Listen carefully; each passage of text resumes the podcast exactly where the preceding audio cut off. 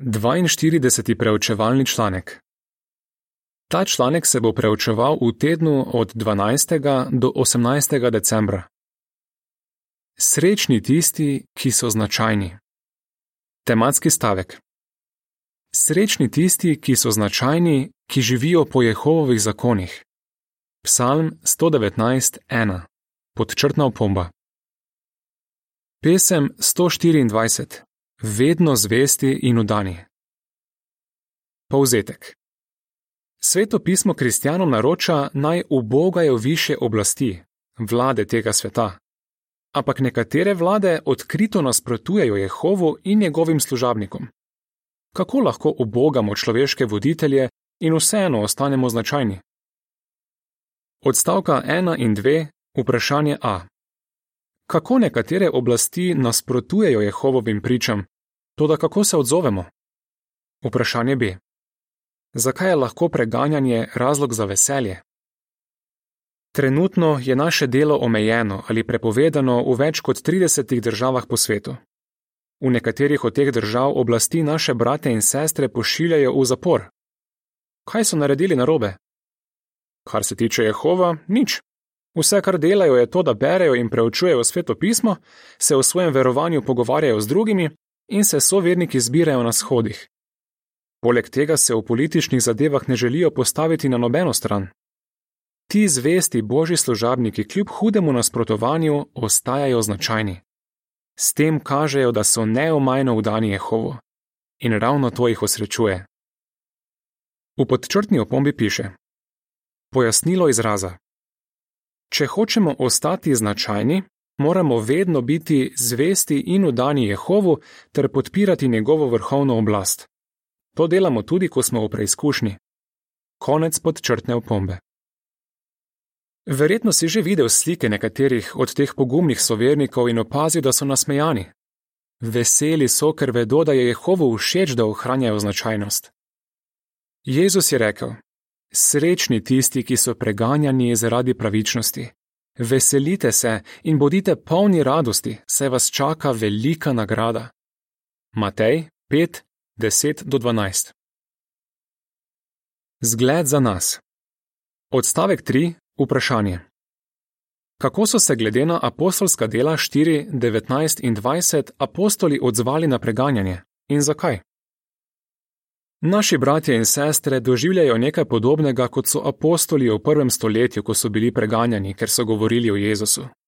Sodniki judovskega vrhovnega sodišča so jim večkrat ukazali, naj nehajo govoriti v Jezusovem imenu. Apostolska dela 4:40.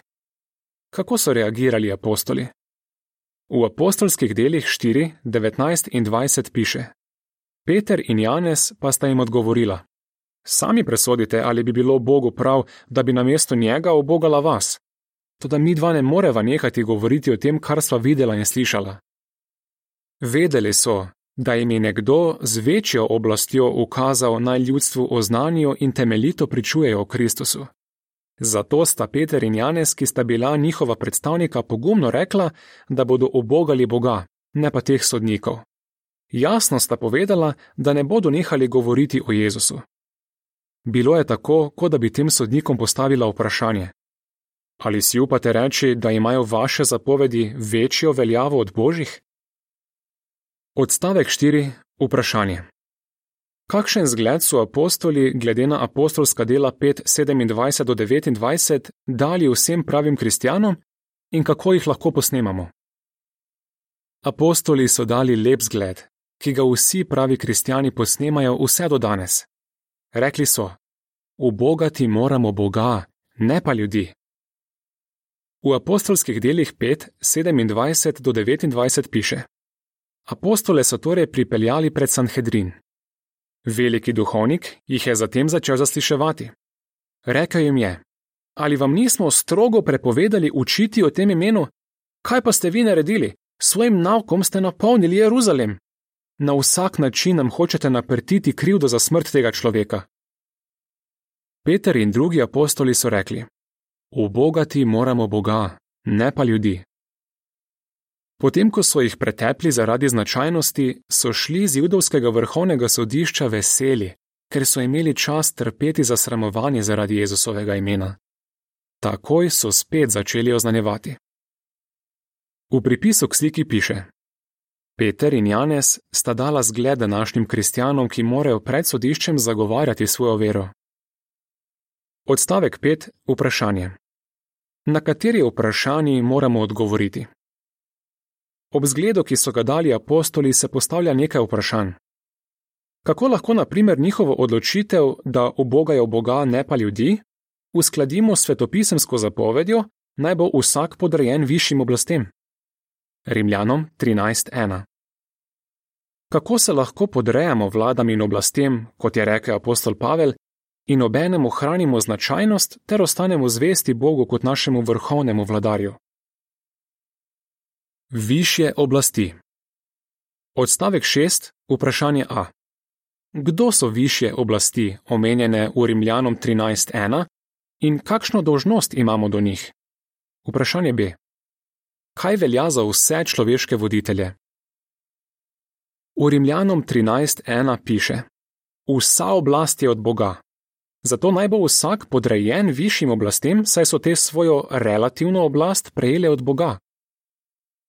V tej vrstici se izraz višje oblasti nanaša na človeške vladarje, ki imajo oblast in nadzor nad drugimi. Kristijani se tem posvetnim oblastem podrejamo, saj skrbijo za javni red, uveljavljajo zakone in včasih celo zaščitijo Jehovovo ljudstvo. Zato nam je naročeno, naj jim dajemo davke in dajatve ter izkazujemo spoštovanje in čast, saj to od nas zahtevajo. Toda posvetne vlade imajo oblast samo zato, ker jim Jehova to dovoljuje, Jezus je to načelo jasno povedal, ko ga je zasiševal rimski upravitelj Ponci Pilat. Ko mu je Pilat omenil, da ima oblast, da ga pusti pri življenju ali da ga usmrti, mu je Jezus rekel: Nobene oblasti ne bi imel nad menoj, če ti ne bi bila dana od zgoraj. Janez 19:11. Tako kot v Pilatovem primeru, je tudi danes oblast vseh človeških voditeljev in politikov omejena. Odstavek 7. Vprašanje. V katerih primerih se ne podredimo človeškim vladarjem in česa bi se ti morali zavedati? Kristijani se podrejamo človeškim vladam, če le njihovi zakoni niso v nasprotju z božjimi zakoni. Toda ljudi ne moremo obogati, če zahtevajo nekaj, kar Bog prepoveduje, oziroma prepovedujejo nekaj, kar Bog zahteva.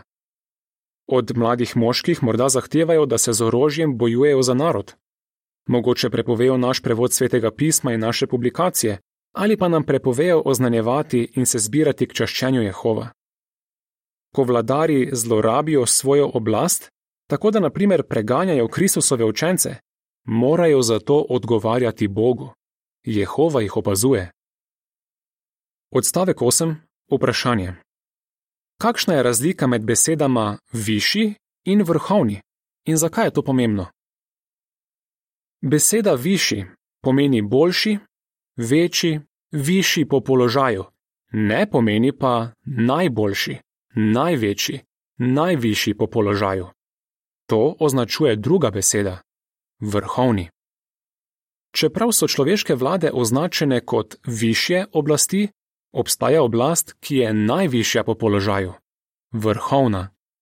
Bog Jehova je na štirih mestih v svetem pismu imenovan vrhovni. Vrhovni. Odstavek 9. Vprašanje. Kaj je prerok Daniel videl v videnih? Prerok Daniel je imel videnja, ki so jasno pokazala, da je Jehovova oblast višja od vseh drugih oblasti. Daniel je najprej videl štiri velikanske zveri, ki predstavljajo pretekle svetovne vele sile: Babilon, Medo-Perzijo, Grčijo in Rim, iz katere je išla današnja anglo-ameriška svetovna vele sila. Na to je videl Boga Jehova, ki je na nebeškem sodišču sedel na prestolu. To, kar je ta zvesti prerok videl zatem, bi moralo biti usvarilo današnjim vladarjem. Odstavek 10. Vprašanje. Komu, glede na Daniela 7, 13, 14 in 27, Jehova izroči oblast nad zemljo in kaj nam to pove o njem? V Danielu 7, 13 in 14 piše: Zatem sem v videnih po noči videl, kako je z nebesnimi oblaki prihajal nekdo, ki je bil kakor sin človekov. Dovoljeno mu je bilo priti do pradavnega in pripeljali so ga pred njega. Prejel je oblast, čast in kraljestvo, da bi mu služili pripadniki vseh ljudstev, narodov in jezikov. Njegova oblast je večna, nikoli se ne bo končala, in njegovo kraljestvo ne bo nikoli uničeno. V 27. vrstici piše: Kraljestvo, oblast in veličino kraljestev pod vsem nebom pa je dobilo ljudstvo svetih, ki pripadajo vrhovnemu. Njihovo kraljestvo je večno kraljestvo in vse vlade jim bodo služile in jih obogale. Bog človeškim vladam vzame vso oblast in jo da drugim, ki si jo bolj zaslužijo in so močnejši. Komu pa? Nekomu, ki je bil kakor sin človekov, Jezusu Kristusu in 144 tisoč svetim, ki pripadajo vrhovnemu in bodo vladali zavedno, za vso večnost. Daniel 7:18 Jasno je, da je Jehova vrhovni, saj ima samo on oblaza naredi kaj takega. Odstavek 11. Vprašanje. Kaj je Daniel še napisal, kar kaže, da ima Jehova višjo oblast kot vsi narodi? Dogodek, ki ga je Daniel videl v videnju, potrjuje to, kar je glede Boga nebes rekel prej: Odstavljaš in postavljaš kralje. Dodal je: Najvišji ima oblast nad človeškim kraljestvom in jo lahko da komor hoče. Daniel 2:21 in 4:17. Ali se je že kdaj zgodilo, da je Jehova odstavil ali postavil kakšnega človeškega vladarja? Prav gotovo. Odstavek 12. Vprašanje. Povej primer, kako je Jehova v preteklosti odstavil kralje. Jehova je jasno pokazal, da je višji od višjih oblasti. Razmislimo o treh primerih. Egiptovski faraon je zasužnil Izraelce in jih nikakor ni hotel izpustiti.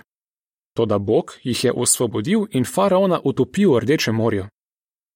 Babilonski kralj Belšazar je pripravil pojedino, se pa vzdignil nad gospoda nebes in na mesto Jehova hvalil bogove iz srebra in zlata. Toda Bog je tega arogantnega človeka ponižal. Še isto noč so Belšazarja ubili, njegovo kraljestvo pa je bilo izročeno medicem in perzicem. Kralj Herod Agripa I. je dal ubiti apostola Jakoba. Na to je dal zapreti apostola Petra in ga prav tako namerava ubiti. Ampak Jehova mu je to preprečil. Jehovov angel je udaril Heroda, da je umrl. Apostolska dela 12:23 V pripisu k sliki piše: Jehova je Belšazarju oduzel kraljestvo in ga dal medicem in perzicem. Odstavek 13. Vprašanje. Povej primer, kako je Jehova porazil celotne zveze, ki so jih sklenili vladarji. Jehova je tudi dokazal, da je višji od celotnih zvez, ki so jih med seboj sklenili vladarji. Bojeval se je za Izraelce in jim pomagal, da so uničili zvezo 31 kananskih kraljev in zauzeli velika področja v obljubljeni deželi. Jehova je zadal tudi uničujoč udarec kralju Ben Hadadu in 32 drugim sirskim vladarjem, ki so se bojevali z Izraelci. Odstavka 14 in 15. Vprašanje A. Kaj sta kralja Nebukadnezar in Darej povedala glede Jehovove vrhovnosti? Vprašanje B. Kaj je o Jehovu in njegovem ljudstvu rekel psalmist? Jehova je vedno znova dokazal, da je vrhovni. Babilonski kralj Nebukadnezar se je hvalil s svojo veliko močjo, slavo in veličastnostjo, namesto da bi ponižno priznal, da je Jehova tisti, ki si zasluži slavo. Zato je Bog povzročil, da se mu je zmešalo. Ko se mu je razum povrnil, je hvalil najvišjega in priznal, da Jehovova oblast traja večno. Rekel je še: Nikogar ni, ki bi mu lahko kaj preprečil. Daniel 4, 34 in 35 Kralj Darej je zatem, ko se je Daniel izkazal za značajnega in ga je Jehova rešil iz levje jame, izdal naslednjo odredbo. Ljudem po vsem mojem kraljestvu ukazujem, naj se bojijo Danielovega Boga in ga spoštujejo. Ta Bog je namreč živi Bog, ki bo večno obstajal. Njegovo kraljestvo ne bo nikoli uničeno in večno bo najvišji vladar. Daniel 6:26 Podčrtna opomba. Psalmist je napisal: Jehova narodom onemogoča izpeljati načrte, ljudstvom preprečuje namere. Na to je dodal: Srečen narod, ki ima Jehova za svojega Boga, ljudstvo, ki si ga je izbral za svojo last. Psalm 33, 10 in 12. Res imamo dober razlog, da ostanemo značajni. Končni obračun. Odstavek 16. Vprašanje.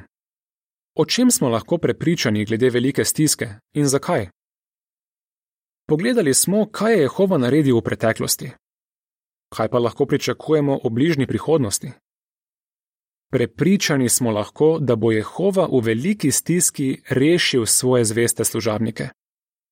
To bo naredil, ko bo Zveza narodov, znana kot Gog iz Magoga, po vsem svetu napadla tiste, ki so mu zvesti. Tudi če bi v tej zvezi sodelovalo vseh 193 članic Združenih narodov, ne bodo kos vrhovnemu in njegovim nebeškim silam. Jehova obljublja: Pokazal bom svojo veličino in svetost, ter se dal spoznati mnogim narodom. In takrat bodo morali spoznati, da sem jaz Jehova. Ezekiel 38:23 Odstavek 17. Vprašanje. Kakšna prihodnost je v svetem pismu napovedana za kralja na zemlji in za ljudi, ki so značajni? Z Gogovim napadom se bo začel Harmagedon, končni obračun, v katerem bo Jehova uničil kralje vse naseljene zemlje. Potem bodo na zemlji živeli samo pošteni, na njej bodo ostali tisti, ki so značajni. Pregovori 2.21. Podčrtna opomba. V pripisu k sliki piše: Zveza narodov ne bo kos Jehovovim nebeškim silam. Ohranimo značajnost. Odstavek 18. Vprašanje. Kaj so mnogi pravi kristijani pripravljeni narediti in zakaj? Daniel 3:28 Že stoletja mnogi pravi kristijani iz ljubezni do Jehova kot svojega vrhovnega vladarja tvegajo svojo svobodo in celo življenje. Takšni značajni kristijani so odločeni ostati zvesti vrhovnemu, tako kot so bili trije hebrejci, ki so bili na to rešeni iz ognjene peči. V Danielu 3:28 piše: Zatem je Nebukadnezar oznanil: Naj bo hvaljen Šadrahov, Mešahov in Abednegov Bog, ki je poslal angela in rešil svoje služabnike. Zaupali so svojemu Bogu in se niso podredili temu, kar sem jaz kot kralj zapovedal. Niso hoteli služiti nobenemu drugemu Bogu razen svojemu Bogu, niti niso hoteli počastiti nobenega drugega Boga razen svojega Boga. Zato so bili pripravljeni celo umreti. Odstavek 19. Vprašanje. Na podlagi česa bo Jehova sodil svoje ljudstvo in kaj moramo zaradi tega delati? Psalmist David je napisal, kako pomembno je ostati značajen. Jehova bo izrekel razsodbo ljudstvom. Mene pa, o Jehova, sodi na podlagi mojih pravičnih del in moje značajnosti. Psalm 7:8. Napisal je tudi: Značajnost in poštenost naj me varujeta. Psalm 25:21. Najboljše, kar lahko naredimo v življenju, je to, da ostanemo zvesti Jehovu, ne glede na to, kaj se zgodi. Potem bomo lahko rekli enako kot psalmist. Srečni tisti, ki so značajni, ki živijo po Jehovovih zakonih. Psalm 119:1 podčrtna opomba. Ali lahko pojasniš? Kakšen zgled so nam dali apostoli? Od česa je odvisno, ali obogamo više oblasti? Kako je Jehova dokazal, da je vrhovni? Pesem 122. Bodimo trdni, nepremakljivi. Konec članka.